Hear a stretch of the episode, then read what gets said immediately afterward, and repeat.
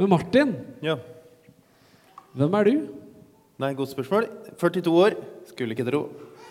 Eh, og så er jeg fotballtrener for Jenter 8. Så jeg har vært på cup i Porsche. De er så store.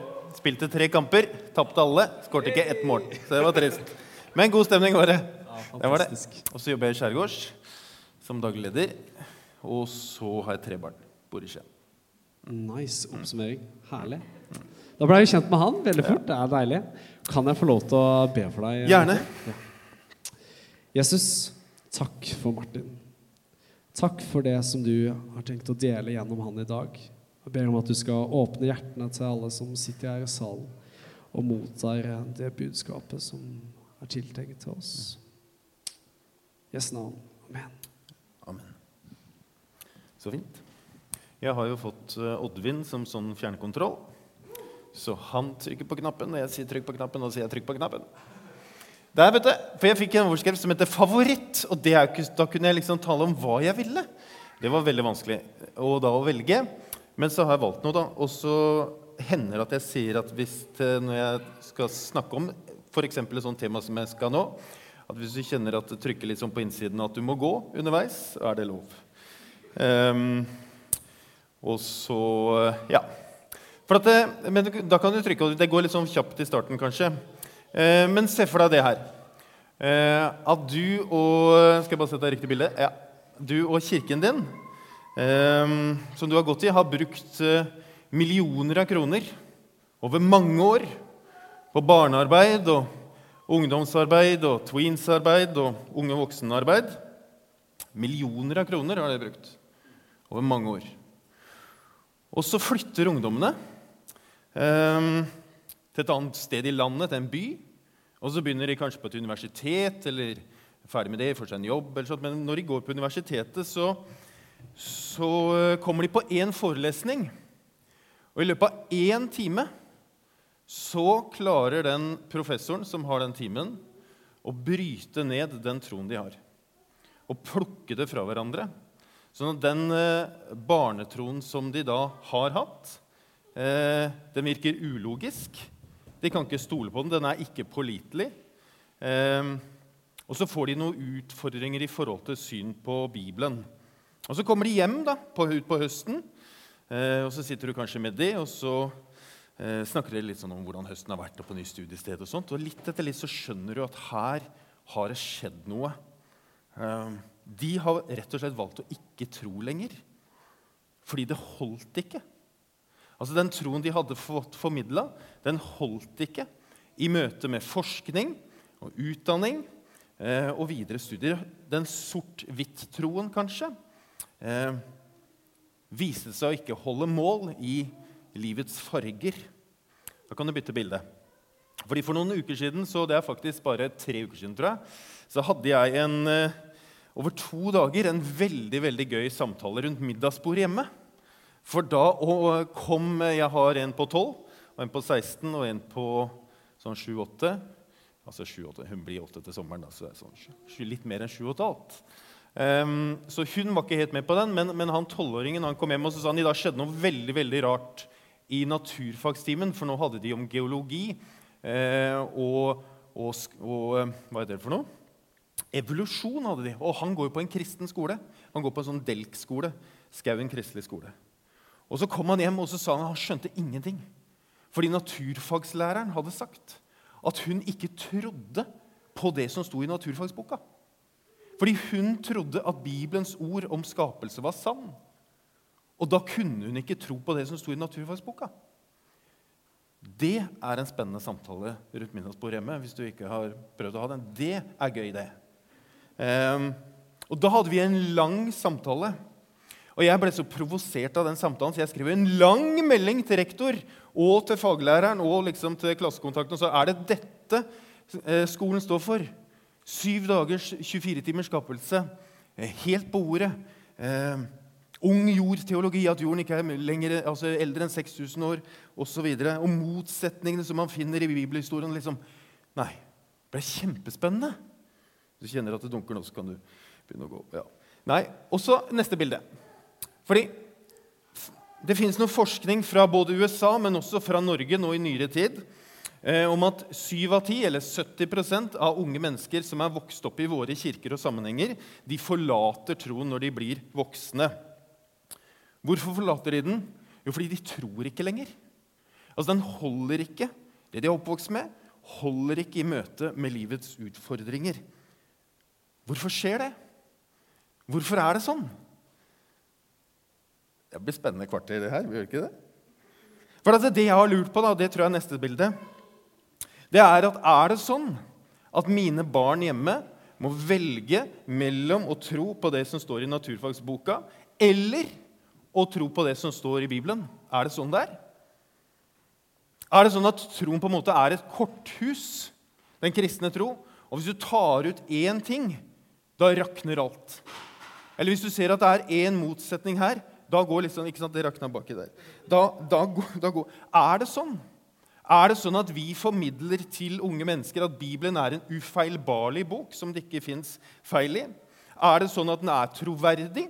Er det sånn at den er pålitelig? Eller som jeg har spurt på, jeg tror det er neste linje, eh, bilde, Kan det være sånn at den kristne troen både er troverdig og pålitelig? Neste bilde. Jeg går for fort der, vet du. Kan Bibelen være troverdig og pålitelig selv om den ikke er uforverbarlig? Kan den være pålitelig? Selv om du finner motsetninger, og selv om du kanskje finner noe som ikke er helt riktig heller?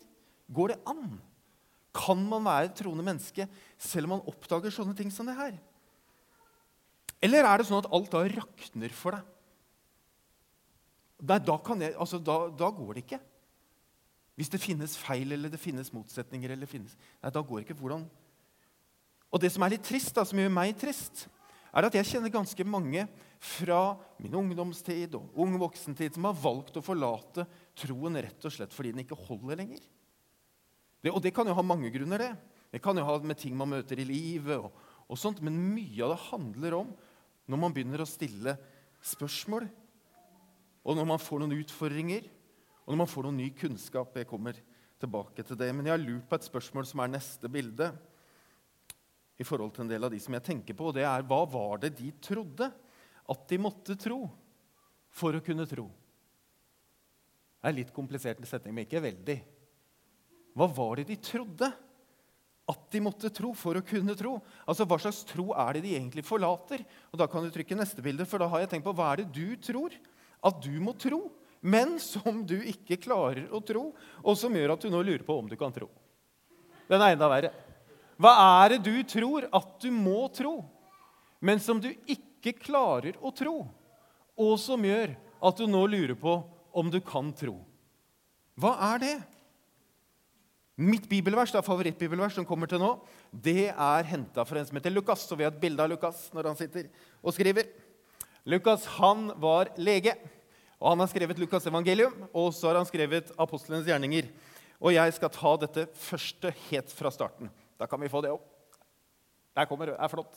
Da skriver Lukas.: Mange har forsøkt å gi en fremstilling av det som har blitt oppfylt blant oss, slik vi har fått det overlevert av dem som helt fra først av var øyenvitner og tjenere for ordet. Nå har også jeg bestemt meg for å gå nøye gjennom alt fra begynnelsen av og skrive det ned for deg i sammenheng, ærede Theofilos, så du kan vite at det er pålitelig det du har fått opplæring i. Og det er det som er ordet pålitelig. Vi vet jo at det finnes mange dokumenter om Jesus. Det fantes mange dokumenter om Jesus, og det gjør det fortsatt. Og det er veldokumentert at Jesus har levd. Og så vet vi at Lukas når han skrev sitt evangelium, så har han plukka en tredjedel cirka fra eh, som han har felles stoff med Markus. Vi vet at han har ca. en femtedel, altså 20% omtrent, som er felles med Matteus. Og ca. halvparten av det som Lukas skriver, det, ha, det, står bare i hans evangelium. Det betyr at han har fått det fra andre pålitelige kilder. Og så vet vi at Lukas han var ikke en, en, en av Jesu disipler, men han ble kjent med dem. Han ble bekjent med Matteus, med Markus, med Peter, Jakob. Og han snakka med dem. Han intervjua dem, tilbrakte tid med dem.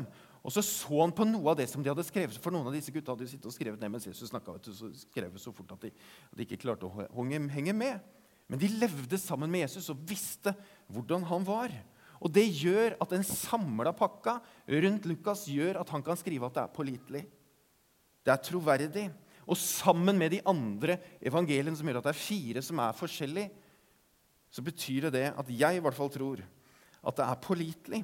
Og så tenkte jeg på det i stad, for at det står først av var øyenvitner og tjenere for ordet. Ofte når vi tenker på ordet, så tenker vi på Bibelen. Ja, Men det er ikke det Lukas mener der. Hva er det Lukas mener der? Jo, Der mener jo han Jesus.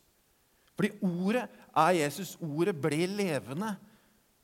Ordet tok bolig. Guds ord, det er Jesus.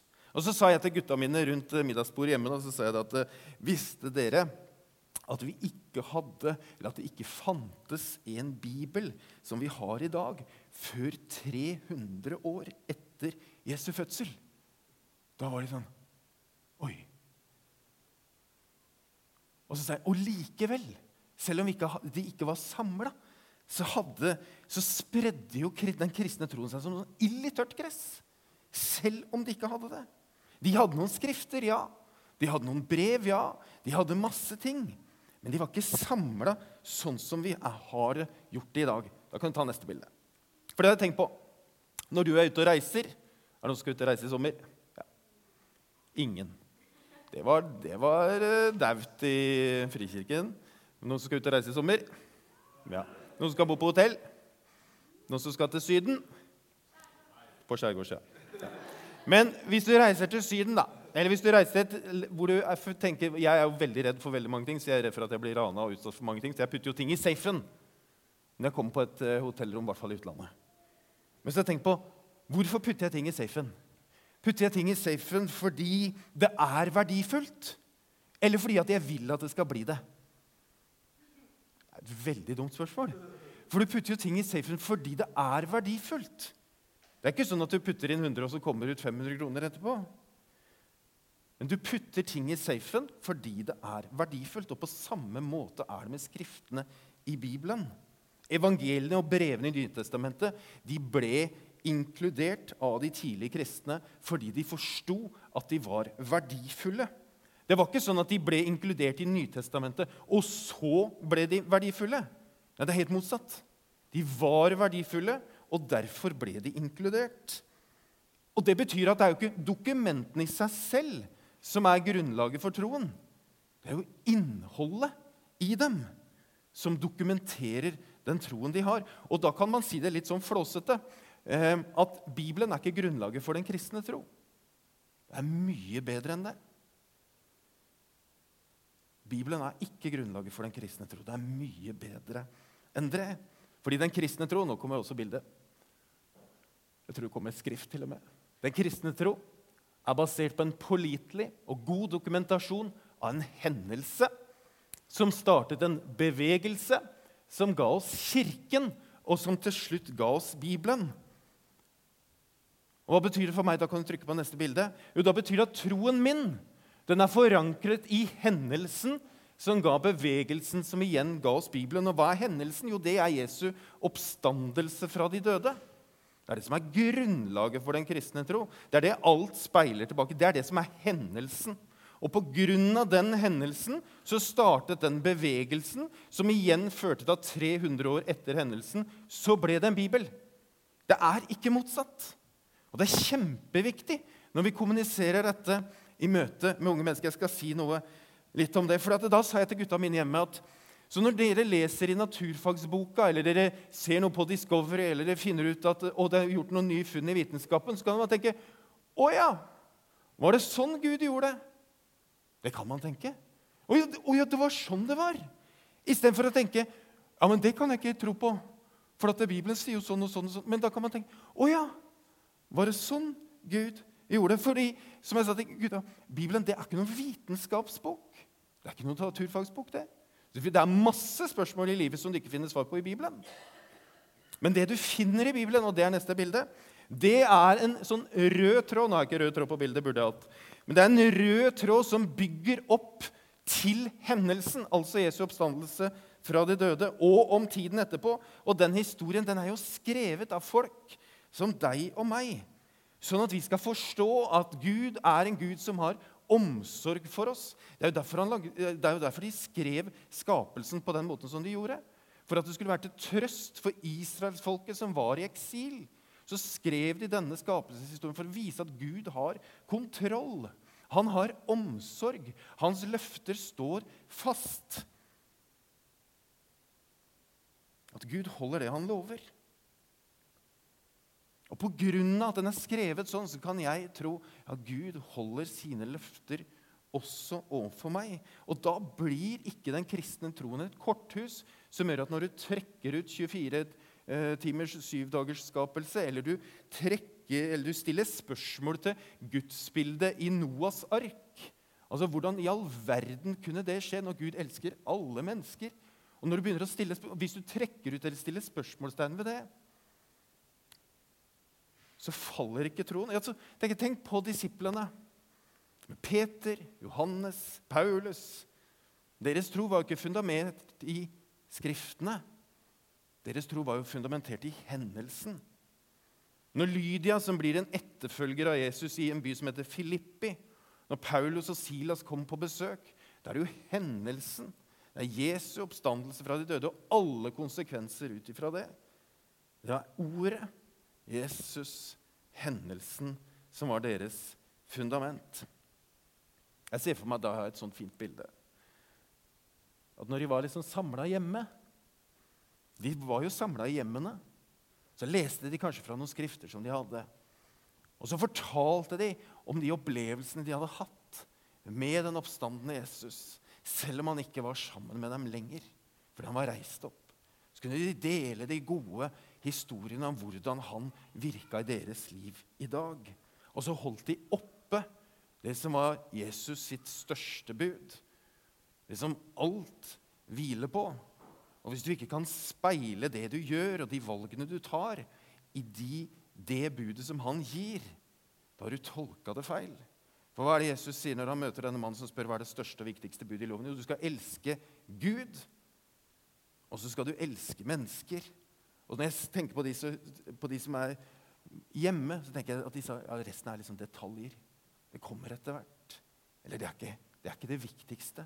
For det viktigste er hvordan vi forholder oss til Gud, og hvordan vi forholder oss til folk.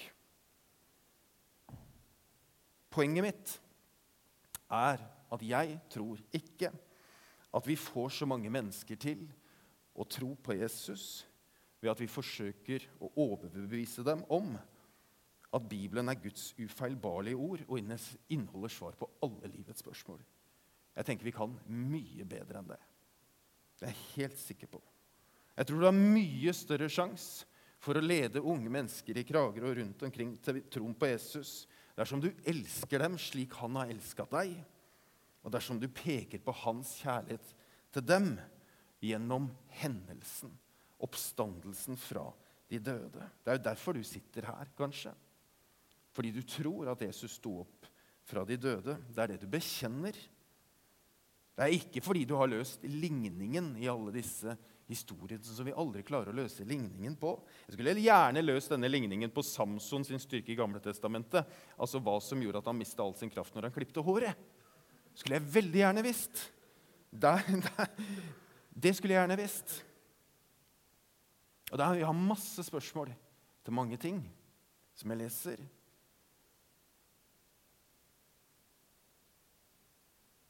Men jeg tror at historien som evangeliene forteller om Jesus, er både pålitelig, som Lukas skriver, og sann. Og det står fast. Og det er det jeg bygger mitt liv på. Det betyr at jeg kan bygge livet mitt og troen min på det samlede budskapet om Jesus. Hendelsen som ga oss bevegelsen, som igjen ga oss Kirken, som til slutt ga oss Bibelen.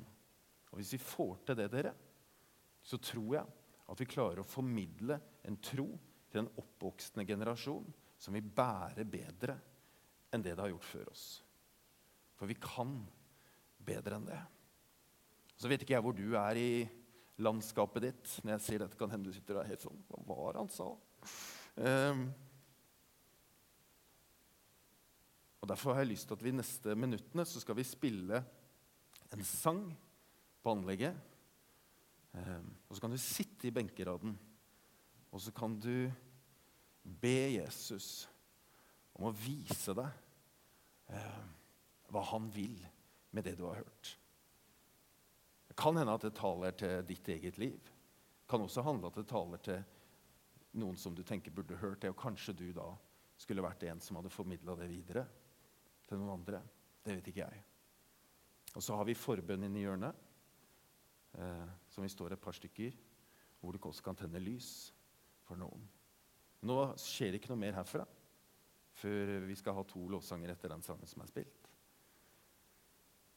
Så bruk den tiden, skal vi be. Kjære, gode Jesus. Takk for alt vi kan lese om deg i evangeliene. Takk for alt vi kan lese om hvordan du var, hvordan, hva du sa, og hva du gjorde. Takk for at det er troverdig og pålitelig. Og så takker jeg for at du er en Gud som er nær i livene våre. Du ser hva vi møter, du vet hvor vi kom fra før vi kom hit, og du vet hvor vi skal hen etterpå. Og Derfor kan vi be om at du skal være med oss, og så har du lova at du har flytta inn fra Guds ord, som har flytta inn i våre hjerter. Jeg ber om at du skal hjelpe oss når vi kommer opp i utfordrende eh, samtaler og ting vi lurer på. Men så ber jeg om at vi skal holde fast på at det er troen på din død oppstandelse for våre synder som bærer troen. Det er ikke noe vi bærer selv, men det er du som har båret det for oss. Inn i døden og ut. Og så vil du møte oss på den andre siden. Takk for det, Jesus. Så ser du vi som sitter her, og så vet du hva vi trenger akkurat nå i kveld på støperiet. Møt oss der vi er. Jesu navn. Amen.